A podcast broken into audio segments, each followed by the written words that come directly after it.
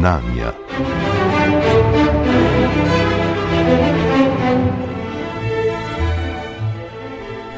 Umetna inteligenca je ključna tehnologija 21. stoletja, nepogrešljiva v znanosti, vse prisotna na spletu, vse bolj neobhodna v gospodarstvu in z vse večjim vplivom na družbo.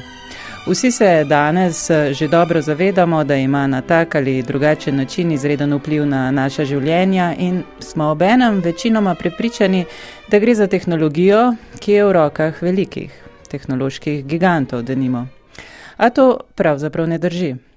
Odprtokodni program za podatkovno analitiko Orange denimo omogoča tako rekoč vsakomur, da umetno inteligenco uporabi pri katerem koli problemu, ki temeli na podatkih, od analize značilnosti spletnih objav do razvoja zdravil v farmaciji. Gre za orodje, ki je zraslo v Sloveniji. Njegov razvoj vodita dr. Janez Demšar in dr. Blaž Zupan z Fakultete za računalništvo in informatiko Univerze v Ljubljani, za kar sta prejela tudi Puhovo nagrado. Lepo zdrav obema in čestitke za nagrado. Hvala, Hvala pozdravljeni. V utemeljitvi Puhove nagrade je izpostavljeno, da program Orange pomembno prispeva k demokratizaciji umetne inteligence. Zanimivo morda je, da se danes dejansko rabo umetne inteligence, kakršna se je nekako vzpostavila, da nimo na spletu, pogosto razume bolj kot grožnjo demokraciji. Bi torej bolj široka uporaba in poznavanje umetne inteligence lahko pomagala tudi pri tej zagati? Dr. Blaž Zupan. Seveda, lahko za vsako tehnologijo imaš dve varianti. Ena varianta je, da nič ne vemo o tej tehnologiji in takrat se boš nujno bal. Ne. Druga varianta je, razumem določene stvari o tej tehnologiji. Vzemite, ne vem, parni stroj ali pa uh, dizelsko uh, mašino ali pa nuklearko. Uh, v vseh teh zadevah nekaj vemo. Problem pa je, da umetni inteligenci danes. Uh, tako bi rekel, poprečen državljan ali pa ne, ne poprečen, ampak državljan v glavnem ne vemo ničesar. Ja. In to je sigurno vir lahko tudi kakšnih nezadovoljstv ali pa nerazumevanj. Ne. ne na zadnje sem bral čist pred kratkim en članek v sobotnem delu, kjer se mi je zdel, da pisec pa dejansko ne razume ničesar umetni inteligenci. Mogoče je bilo dobro, ne, da kakšen tečaj na tem področju naredi. Se pravi, glede na pač uvodoma izpostavljeno vlogo in pomen umetne inteligence, domnevam, da bi torej morali vsi mnogo resneje pristopiti k temu, da se vsaj nekoliko seznanimo z skrivnostmi te tehnologije, njenim ustrojem, namenom, dr. Janez Demšar. Ja, seveda. Eh, v šoli bi mogli to prepeljati. Tukaj, tukaj se po mojem začne. Zato tudi Orange prirejamo za, za uporabo v šolah. Imamo en projekt, v okviru katerega hočemo razviti aktivnosti, kjer bi se poučevalo umetno inteligenco v okviru različnih šolskih predmetov, tako da uh, učenci v šoli spoznajo, kako umetna inteligenca pravzaprav jim lahko pomaga. Istočasno spoznavajo umetno inteligenco in to ni več taka, tak bav bav. Ampak načeloma ljudje, eh, laji, ki razumemo umetno inteligenco kot precej zahtevno tehnologijo, pogosto imamo v praksi dejansko težave že z uporabo eh, zelo preprostih eh, programov. Kako torej konkretno program Orange rešuje ta problem vstopa v neko tehnologijo, ki pravzaprav nam lahko zbudi toliko asociacij danes že, ne, profesor Zupan? Ja, mogoče, mogoče je razlog, zakaj pravzaprav Orange posega na to področje, kako je nastal. Pač z Janezom 25 let nazaj smo reševali probleme, recimo podatkovne analitike na področju medicine in ugotovila, da pravzaprav vsaj urode, ki so takrat obstajala, so tako kompleksne, da ti na pač najbolj osnovno vprašanje, če imaš ne, v sebi recimo enega kirurga, ne, ne moš odgovoriti oziroma moš pač spisati ene programe In to traja toliko časa, da pač ta kirurg obupa in gre. In to, to smo takrat dejansko ugotovili, smo sodelovali z traumatologi in pravzaprav si rekli, da rabimo eno urodje, kjer bo pač analiza toliko enostavna ali pa kjer bomo uporabljali lahko strojno učenje na tako enostaven način, da lahko sprot odgovarjamo na vprašanje, da terminolog ali pa kdorkoli je uporabnik ali pa lasnik podatkov ne gre, ampak ga začne zadeva privlačiti, zanimati. Ne. In to pomeni, da se moramo zelo osloniti na kakršne koli vizualizacije podatkov, na grafične prikaze, na, na zanimive stvari, ki se jih da začutiti. Tle, vedno izpostavljam pač en uh, film Minority Report, ne, kjer Tom Cruise neki dela. Ampak meni je dejansko tisti film pač spremenil pogled na, na to, kako pravzaprav lahko zelo hiter ne, obdelaš eno veliko količino podatkov, jih zmiksaš skup in dobiš odgovor. In nek tasga bi v Orangeu delali. Zato se mi zdi, da je primeren za demokratizacijo oziroma za, za tako pravi Jana, za šole, ker njegov namen v osnovi je bil intuitivno in hitro reševanje problemov, ne pa poglabljanje v algoritme in matematiko. Se pravi, hočete reči, profesor Zupan, da pravzaprav ta način, torej, če se navežemo na konkretni omenjeni film, posebno poročilo, ja, s Tomom Cruzom, kjer on pravzaprav tako rek z roko, skoraj da iz zraka zagrabi tisto, kar ga zanima in združi, to je pravzaprav nek način, kako tudi funkcionira uporaba tega programa? Ja, točno tako, sam da ne, pač ne grabiš po zraku tega še ne. No, v principu bi se dal, ampak bi bilo najbrž mal drago. Ampak ja, v Orange v bistvu delaš podobno, zlagaš stvari skupaj, jih povezuješ in podatki se pretakajo sem ter tja. V resnici je zelo preprosto. Zdaj, Večino programov ne, človek jih odpre, na voljo je pravzaprav v tem konkretnem primeru tudi nekaj uh, učnih uric na portalu YouTube, kako pač eh, stvari uporabiti, nekak za začetek, seveda so še druge poti, pa vendar, kot rečeno, rabimo podatke, na katerih delamo. Kakšne so te osnove, uh, kako človek uporabi tak program? Ja, zdaj, sicer, ena varianta bi bila, da mi dva z Janezom rečemo, da se to pa lahko vsi uporabljajo tako in začnejo s tem pač v eni sekundi, pa ni čistko. Ne. Na začetku moš pogledati par videov. Ne. In tudi uh, ljudje, ki bi z Orangem začeli, recimo, bi bilo zelo dobro, da, da vejo nekaj v Excelu. Ampak se to pa vejo, ne. se v šolah pač to dejansko uporabljajo podatke lahko tam pripraviš, ne, mi imamo tudi pač video o tem, kako pripraviš sploh podatke ali pa uh, uporabiš že pripravljene podatke. Oni še je v bistvu potem samo okolje, ene vrste lego kocke za strojno učenje. Ne. Ti v bistvu um, približno moš vedeti, kako lego kocke zlagati skupaj. Ne. To je relativno enostavno, pač zložiš dve, pa jih povežeš. Uh, vedeti moš približno, kje so lego kocke, potem pa moš en občutek dobiti, uh, kakšne vrste lego kock imaš. Uh, to poskušamo tako na vse načine približati uporabnikom, tako kot ste omenili, tudi z videi, ki so ful dobro obiskani. Imamo, ne vem, tri milijone ogledov uh, za eno nišno področje, ki je tako zelo specifično. Uporaba tega programa je pravzaprav zelo široka. Pa če začnemo torej pri tem že večkrat izpostavljenem vlogi kot eh, pravzaprav izobraževalnega pripomočka, uporablja se ga za poučevanje umetne inteligence na več kot 500 univerzah po svetu, pa tudi v srednjih šolah in osnovnih šolah. Eh, kako je pravzaprav rasel ta razvoj in prodor tega orodja po svetu.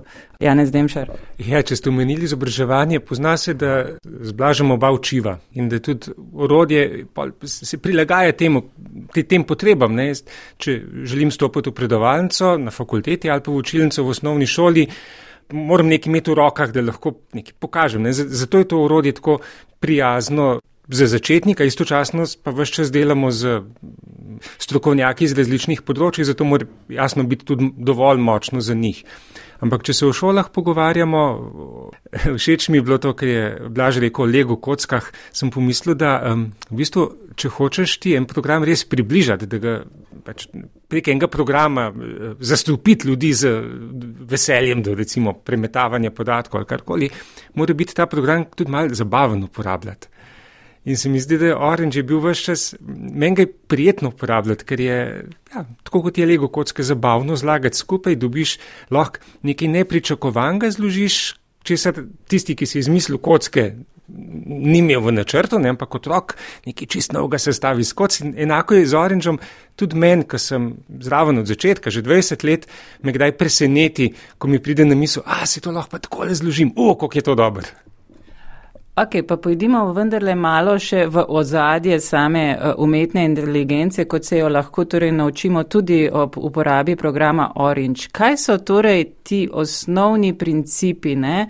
Kajti, ko govorimo običajno takole lajično, pa tudi v medijih o umetni inteligenci, tukaj je cel kup nekih uh, predpostavk, uh, nekih izkušenj, nekih škandalov, o katerih smo slišali o takšnih in drugačnih rabah pa včasih se mi zdi, da ne ločimo točno, kje tukaj je na delu so določene metode konkretne umetne inteligence, druge pa spet tisto, kaj se ljudje odločijo početi z nekimi konkretnimi podatki. Kaj torej recimo je tist temeljni ustroj, način delovanja umetne inteligence, ki se ga da naučiti po eni strani prek eh, programa Orange in po drugi strani tisto, kar bi vidva želela v bistvu izpostaviti uh, našim poslušalcem in poslušalkam kot morda tisto, kar je uh, bistveno. Blaž Zupan. V bistvu je vse skup zelo enostavno. Zdaj, tale medije, radio, ne, če bi bila to televizija, bi zdaj šli na ekran pa pogledali nekaj v Orangeu, tako bi tako v treh minutah lahko predstavil, zakaj gre. Ampak tudi umetna inteligenca oziroma strojno učenje strojno učenje, predvsem zato, ker danes je pač umetna inteligenca to, kar strojno učenje počne. Izhaja iz podatkov in pač nič drugega ne počne strojno učenje, kot išče ene modele, ene abstrakcije podatkov. In te so lahko, aha, imam ene podatke, recimo vem, o enih komitentih ene banke, pa iščem skupine podobnih uh, komitentov. Ne? Ali pa skušam napovedati, uh, kdo bo dobil kredit na podlagi tega, komu so že dodelili oziroma komu so dodelili, pa so se upekli. Ali pa skušam napovedati, ne vem, ceno določenih delnic. Ne? Ali pa skušam, skušam napovedati, kdo iz pač, uh, kjer komitent iz te banke bi bil mogoče dozeten za to, da se mu da, ne vem, en tak kratkoročen kredit. In to sem omenil zdaj ne štiri ne, zvrsti oziroma štiri tipe problemov, ki jih lahko rešujemo s strojnim učenjem. Ne. In najbrž s tem pokrival je nek 60-70% tega, kar pravzaprav lahko s strojnim učenjem počneš. Uh, tako da mi, uh, mislim, tudi, ker pač uporabljamo Orange, uh, tudi v videih na YouTubu, ne, torej obrnemo počvanje tega, pa obrnemo trening tega. Ne rečemo, da to so zdaj tako vse zadeve, ki jih lahko počneš, zdaj pa še malo matematike, pa statistike. Ne? Ampak gremo iz tega, da začnemo s podatki in uh, v bistvu skušamo prikazati ne, tudi skozi orenčne, uh, kako pravzaprav lahko določene probleme rešiš uh, z strojnim učenjem. In enkrat to zavez dobiš, pol vidiš, aha, če lahko to delam, ne vem, z recimo bankami, pa telekom, pa podobno, lahko to nekdo tudi v farmaciji uporablja. Ne? In ta, ta preskok ni tako nenavaden oziroma tako, skratka, hočem reči, strojno učenje, ne? kljub temu, da danes temelji na relativno zelo kompleksni matematiki, je pravzaprav intuitivno se ga da na zelo enostaven način razložiti. Janez Demšar? Ja, zadnjič sem bil v četrtem razredu in smo, eh, smo se šli to, računalnik smo probali naučiti ločiti med sesavci, pa ptiči, pa žuželkami. In to so otroci v četrtem razredu lahko popolnoma so razumeli, kako deluje, zato ker so potem, ko sem, ko sem jih vprašal, kaj se bo pa zgodil, če ga zdaj vprašamo to in to, so razumeli, um, kako bo prišel do odgovora, zakaj bo odgovoril na robe in kaj bi mogel še dodati, kakšne podatke mu povedati, da bi se pa naučil tudi recimo, da, uh, da vem, pingvini so pa vse en ptiči. Ne. Tako da to, to so lahko zelo preproste stvari. Ne. Ampak potem na koncu ure sem jim pa rekel, ok, ampak. Razumete, tako, si predstavljate, da bi se dal čist na isti način pa ugotoviti, recimo, um, iz simptomov napovedati bolezen. Ne? In otroci tako niso, o res, se to se pa, wow, kako je to dobro, se to je pa res isto. Um, in mi je bilo fino na koncu, je en rekel, to je bila pa najboljša ura uh, v šoli. Tako. To so res preproste stvari, ki jih lahko otroci v četrtem razredu, razredu razumejo, če se jim jih na primeren način pokaže.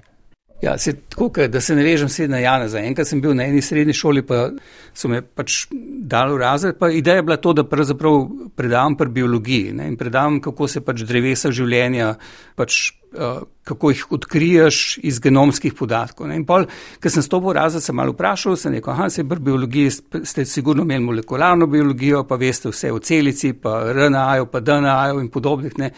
So rekli, ne, ne, tle ste pa stopili v napačen razred, ne? zato ker mi smo pa tle inženjeri, uh, mislim, da elektrotehnike in biologije nismo imeli že enih pet let, pa tudi v, sred, pa tudi v osnovni šoli smo ful sovražali.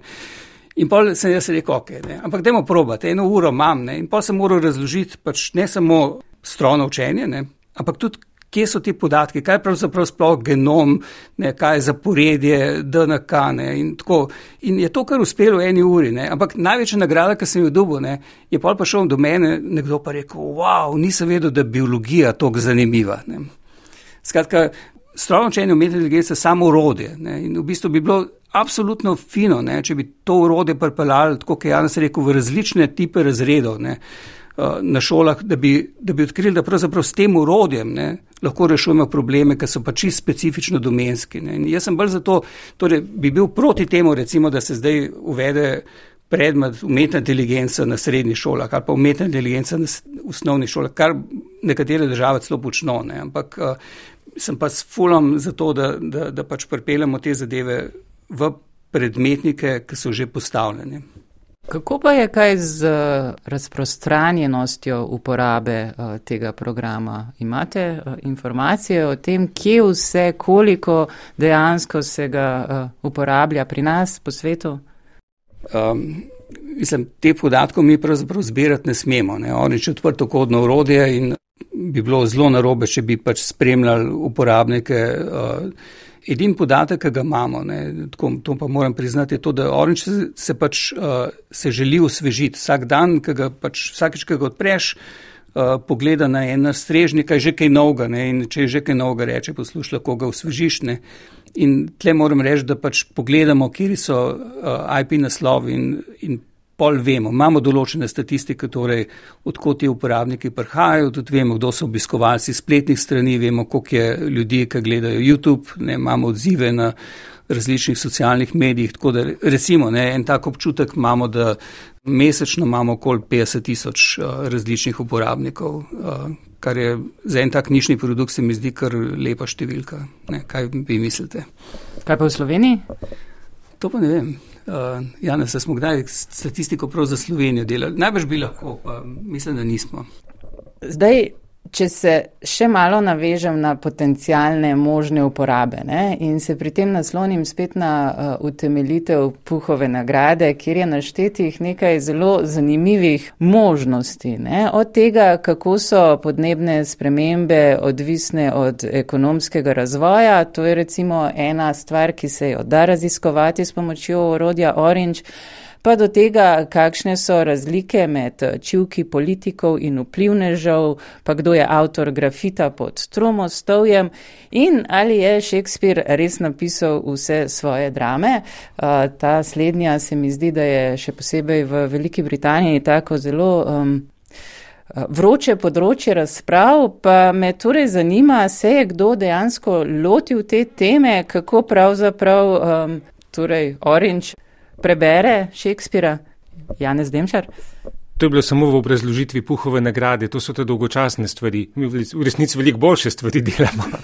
Ne, ne, ni res. Ne. To Šekspirom v bistvu je čisto uh, konkretno. Janez, ne. ne, nismo mi delali, ne. ampak če ja. se spomniš, uh, Orange, uh, ena, ena firma nas je pred leti želela kupiti. Uh, oziroma so rekli, da bi Orange bil. Uh, Orange, da bi bila platforma, kjer bi lahko analiziral podatke o vseh člankih, vseh knjigah. Ne, bila, mislim, da ni šlo niti za založbo, ampak oni so pravzaprav prodajali informacije o vsem, kar je napisano ameriškim univerzam. Ne. Sta bila taka dva gosta in je bil pač en je študiral primerjalno književnost in je uporabljal tudi Orange za, za to, da je ugotavljal pač stilsko, ne, vse, kar je napisal Shakespeare, dejansko Shakespeare je ugotovil, da ne. ne. Tako, to, se nismo mi s tem ukvarjali, ampak deset let nazaj so vse. Ne. Takrat, uh, ne, mimo grede, nismo prodali oranže, ker se nam je zdelo, da pač, mislim, da smo se mal z Janom sprašvali, kaj pa mi do pol delali. se pravi, program je še vedno in ostaja, da ston na razpolago. Ja, tako bili so pritiski, uh, ne pritiski, ampak bile so, bile so, bile so, vabi, bila so vabila. Ne. Pa včasih pa tudi pridejo pritiski, čež da smo nori, da, da pač zadevo ne komercializiramo. Čeprav so primeri komercializacije na tem področju in je komercializacija težka. To pomeni, da pač če bi šel v tako stvar, bi zdaj le moral z Janezom nekaj drugega početi, kar nas zabava. Uh, to se nama pa ne da. Je pa uh, v planu tudi uh, prevod programa v slovenščino? To pa ni samo v planu, to je pa, to je pa narejeno. Um, v bistvu je že vse v slovenščini, samo izdal ga še nismo. Tako, lahko se tudi poljuben drugi jezik zdaj prevede, prav zato, ker bi radi to poučevanje s programom Orange oziroma z umetno inteligenco v šolah, uh, bi radi, torej pogovarjamo se tudi s partnerji iz drugih držav, da bi, da bi isti princip, da bi ta, se pravi ta projekt širil tudi v druge države, se pravi ga bo treba prevajati tudi v različne druge jezike, da ga na ta način še bolj približamo potencijalnim uporabnikom, ki bi radi kaj izvedli o umetni inteligenci. Uh, zakaj to pravzaprav šele zdaj, glede na to, da je pač program v razvoju toliko časa um, in kaj je pravzaprav mogoče tista ključna rešitev, ki zdaj ni um, razbila samo uganke, kako zadevo predstaviti ustrezno v slovenščino, ampak tudi omogoča hitri prenos v ostale jezike. Torej, Orange so že prevajali v nekatere jezike. Vemo, da obstaja kitajski prevod, turški, Pa tudi v slovenščini celo že obstajal leta 2010, se mi zdi, smo ga že prevedli in takrat je bil preveden slov japonščino istočasno zaradi nekega sodelovanja. Uh, mislim, da je razlika samo v tem, da zdaj v zadnjem času je šele umetna inteligenca postala tako uh, popularna, da, da je ta ideja dozorela, da dajmo iti s tem v šole. Prej enostavno ni bilo toliko resne potrebe, vsak uporabnik je recimo znova angliško, zdaj v zadnjih letih bi pa vsi radi nekaj vedeli, ali pa bi bilo dobro, da bi vsi nekaj vedeli o umetni inteligenci, zato šele zdaj prevajanje. Pa računate, da bo dejansko uporaba tudi po slovenskih šolah se torej vse bolj prijela? Koliko je interesa um, na strani um, torej konkretnih učiteljev, ne mara? Ogromno. Um, ravno prejšnji teden, ne, zdaj ta teden, ja, so, so naši kolegi iz Mariborske univerze na nekem srečanju objavili en tak poziv učiteljem, da bi sodelovali pri projektu, pri nekih izzivih, ki jih pripravljamo. Uh, in potem smo hoteli tudi ne plakate za to narediti, da bi več učiteljev pritegnili. In ko smo se še pogovarjali o teh plakatih, uh, sem pa poklical, da rekli, ne, se ni treba, jih imamo, jih imamo že, že ogromno. Uh, tako da ja, gotovo je interes, zato ker to so zanimive stvari in dober učitelj vid, um, kako bi bilo simpatično to pripeljati v razred. Torej, učitelji so zelo zagreti učenci uporabe tega programa. Ja, ja, ja, in to niso samo učitelji eh, računalništva, teh je še ne manj. Ne? Um, zelo, zelo zainteresirani so geografi, matematiki, celo z učitelji slovenščine smo sodelovali. Prej, sem rekel, da um, zanimive stvari, bolj zanimive stvari delamo, kot sam to, kar je bilo v Puhovi nagradi. Recimo, kako razlikovati med slikami Muneja pa Maneja kako razlikovati med egiptovskimi in grškimi uh, kipi. Te take stvari, se pravi, celo umetnost, v karkoli lahko gremo s tem. Ok, pa se vrnimo k temu, kako pravzaprav torej, uh, te potrebne podatke za to, um, kaj to, če si človek naloži potrebne slike, besedila, kakšne vrste podatkov, poleg prej omenjenih Excelovih eh, tabel, eh, pridajo v poštev eh, za obravnavo. Kajti tabele nekaterim so blizu, drugim spet ne. Mar si kdo bi si, recimo prej smo omenjali razlike med čivki politikov in vplivnežev, to je že nekaj, kar mora človek zajeti iz spleta, prepisati, kako se pravzaprav um, loti človek nekega takega potencijalno zanimivega, tudi hobi problema, ki bi mu lahko odprl pot v umetno inteligenco v praksi? Ja, začivke recimo obstaja Lego kocka, ki se imenuje Twitter, pa pač tam poveš, kje rečivke bi rad, pa tih oren sam počrpa. Ne? Ali pa um, slika mi je, tako, jaz bi rekel, besno enostavno delati. Ne? Mislim, se spomnim za slike, ker smo ta prvič pač napisali Lego kocko za. za za branje, pa eno lego kocko za predstavitev slik, eh, pa ene, pa ene druge lego kocke za slike. Ne. Sem to pokazal kolego v Ameriki. Ne. Se rekel, veš, te slike, ki si jih ti imel v molekularni biologiji, ker on je pač molekularni biolog imel ene mikroskopske slike. Ne. Sem rekel, to zdaj jih lahko pač eh, primerno uredim, pa pokažem, kako se pač en organizem, tako, kakšne so faze razvoja tega organizma. Ne. In sem tako preko Zuma ne, pokazal, kako to dela. Ne. In pol je rekel, a bom mal probo. Ne. In pol me pač eh, čez šest ur pokliče, ne, tako pri meni je bila že tako tema. Ne. On je rekel, veš kaj počnem, ne. Uh, sem rekel, kaj ne. Je rekel, slike iz družinskega albuma sem vzel ne. in pol sem jih dal v oranž ne. in zdaj vem, aha, tle sem ženo ne, na morju, ne. tle sem od otroci uh, v hribih. Ne. Tako, skratka, mislim, ta preskok, ne, kjer iz pač enih molekularnih slik, se pa smo napisali članek, kako pač je tudi članek, ima naslov Demokratizacija analize slik ne, na področju pač znanosti. Ne. Ampak meni je bilo bolj to, ne, v parih urah je šel pa, pa svoje pač slike zanalizirati. Tako da v Orangeu je jasno odvisno od tega, kje je Lego kocke imamo za branje kakšnih stvari. Ne. Recimo, ne vem, zelo dobro sodelovanje imamo s podjetjem Lekne, kjer oni ne, v tem sodelovanju delajo Lego kocke, ki dostopajo do njihovih specifičnih podatkov. Tudi na področju slik, tudi na področju raznih tabel. Ne. In je dosti od tega odvisno, bomo mi take lego kocke pripravili, oziroma nas bojo določeni uporabniki, recimo, ne, tako bojo pritisnili na nas pa rekli, dajte še to zraven. Ne, tako da slike, tabele, besedila, čivki so že, najbrž pa. A ja, ta zadnjič je bil en vulkanolog, ki je rekel, da hoče imeti dostop do njihovih baz. Tako da tudi to počnemo. Ja, ne znam še. Ja, meni se je tako fino zdelo, ker je Blaž rekel, da je lahko z Orangeom uredil svoj družinski album. Ne? To pravzaprav vsak, vsak program danes, s katerim razvrščamo slike, zna. Ne? Ampak tukaj je. Ja, ne tako dober. mogoče ne tako dober, ampak meni se zdi pomembno to, da ja, tisti program ti to naredi. Če pa ti to narediš z Orangeom, pa lahko vidiš, kako pravzaprav tisti program to dela.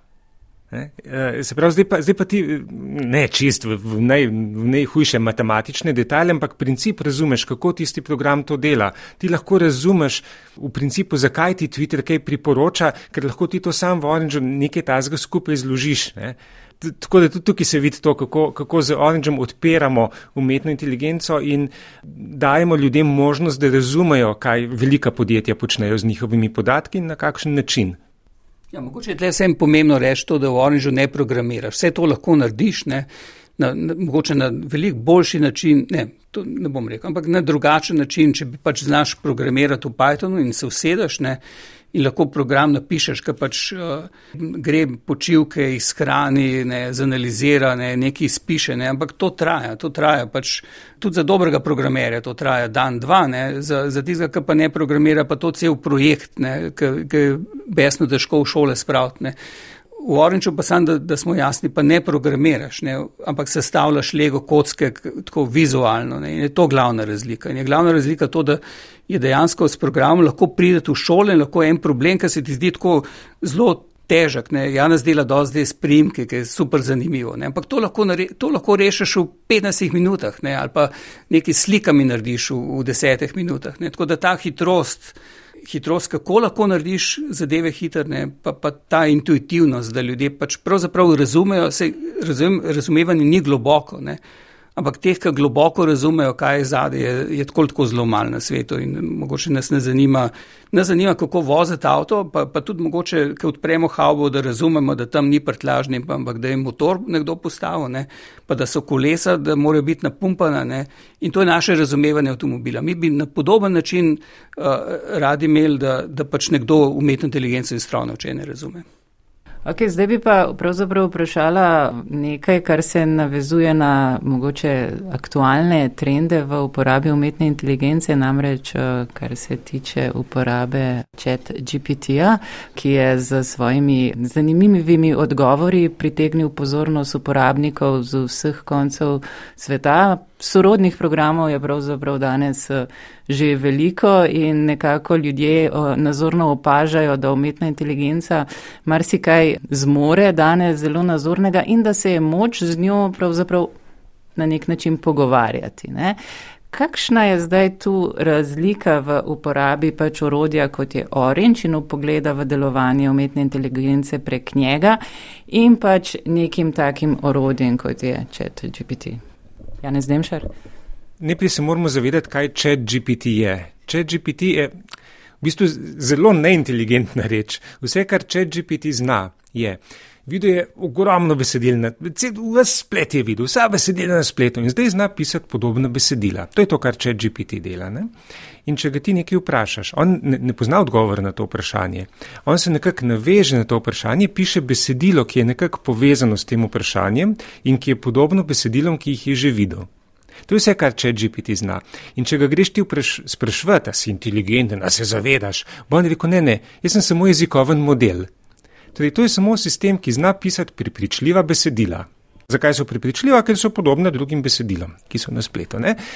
In če ga ti nekaj vprašaš, ti bo on dal pravilen odgovor samo zato, ker so ponovadi prepričljiva tista besedila, ki imajo pravilen odgovor, ali pa ker je videl velik besedil s takim odgovorom. In njegovi odgovori so lahko popolnoma napačni, predvsem, kadar gre za neka dejstva. Poleg tega je tako um, zabavno, tudi, kar so mu še dodali, je to, da so potem, ko so ga trenirali, so tisti, ki so ga trenirali, lahko rekli, ta odgovor mi je všeč, ta mi pa ni všeč. Na ta način se je mal dotreniral, da je postal všečen. Ne. In tisto, iz česar se delajo norce, danes je kako je vljuden. Zmeri, če ga ti upozoriš na napako, se bo upravičil za napako, pa je prav imaš, ne, pa ti bo drugače odgovoril. In zadnjič sem videl en krasen primer, ko ga je nekdo vprašal, koliko je 2 plus 2 in če GPT rekel 4, ne, pa je rekel, ne, ne, 5. In če GPT rekel, joj, se upravičujem za napako, 2 uh, in 2 je 5. Ja. Uh, in pa ga je un vprašal, koliko je pa v angliščini bilo 2 plus 2, eh, je z besedo napisal In eh, če je GPT napisal for, rekel, kako se sva prej mi dva ugotovila, da je dva in eh, kak, ne, rekel je, kakšna je razlika med dva številko ali pa z besedo, pa če je GPT rekel, je to isto. Prav, ok, pa pa še enkrat razmisli, prej sva ugotovila, da je dva in dva pet, a je tako, ja tako je. A pol z besedo ni isto, joj se upravičujem za napako. Če GPT je neumen, če GPT zna samo vrteti jezik, pa nič ne razume. Se pa to, kar je Janes rekel, ne, mnogi ljudje tega ne zavedajo. Ne. Zdaj, lahko bi si sklical na en časopisni članek, uh, nedavni, ki je tako nerazumevanje, tako, tako prav uh, upijoče bilo, ampak resimo ne bom tega delal. Raj bi rekel, da je mogoče zanimivo pojasniti sploh, aha, kako sploh do tazga modela pride, ne, kako, zakaj pravzaprav za to ramo ogromno besedil, ne, kje pa, kako pravzaprav tak model sploh kaj, kaj sploh počne, kaj, kaj je zade, ne? Eh, zakaj porabi toliko elektrike, ne? zakaj je, zakaj je pač model, eh, recimo tudi skompresiramo vse njegove parametre, ugotovimo, da pač je prostora več, kot če bi, kot če bi zložili celotno Wikipedijo skupaj. Ne? Zakaj je tako ogromen, kaj, kako je to sploh nastalo. In uh, jaz bi rekel, da na, na mnogo teh vprašanj lahko odgovorimo tako, da pač se malo zabavamo z oranžem in delamo pač analizo besedil, razumemo, kaj so, kaj so globoki modeli, uh, kaj pravzaprav lahko izpade iz njih. Ne.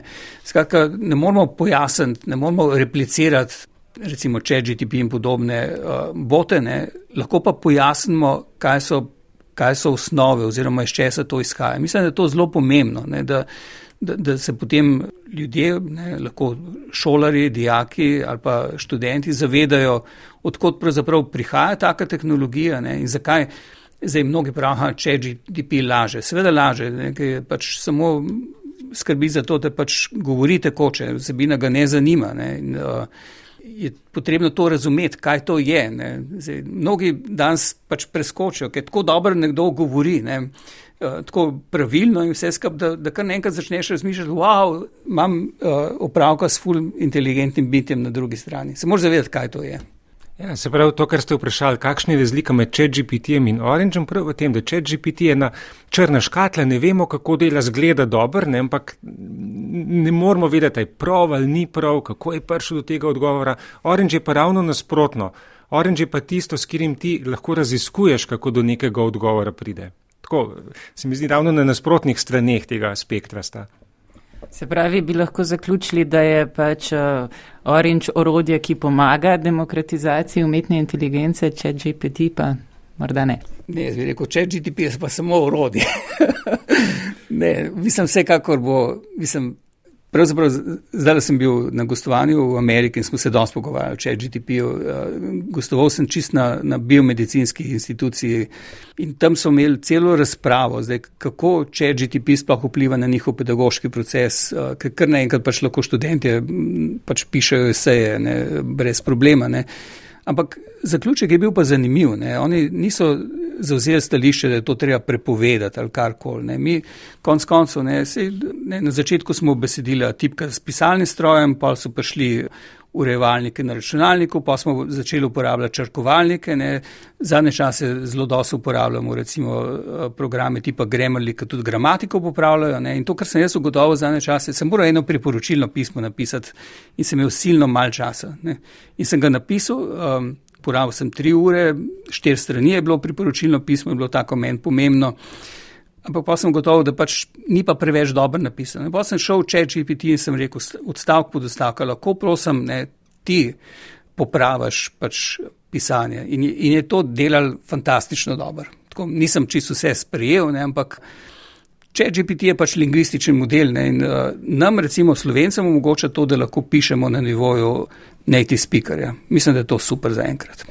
Obema najlepša hvala za tale pogovor, pa uspešno pri um, nadaljem razvoju Orangea in njegovi širitvi pri uporabi pri nas. Hvala lepa. Hvala.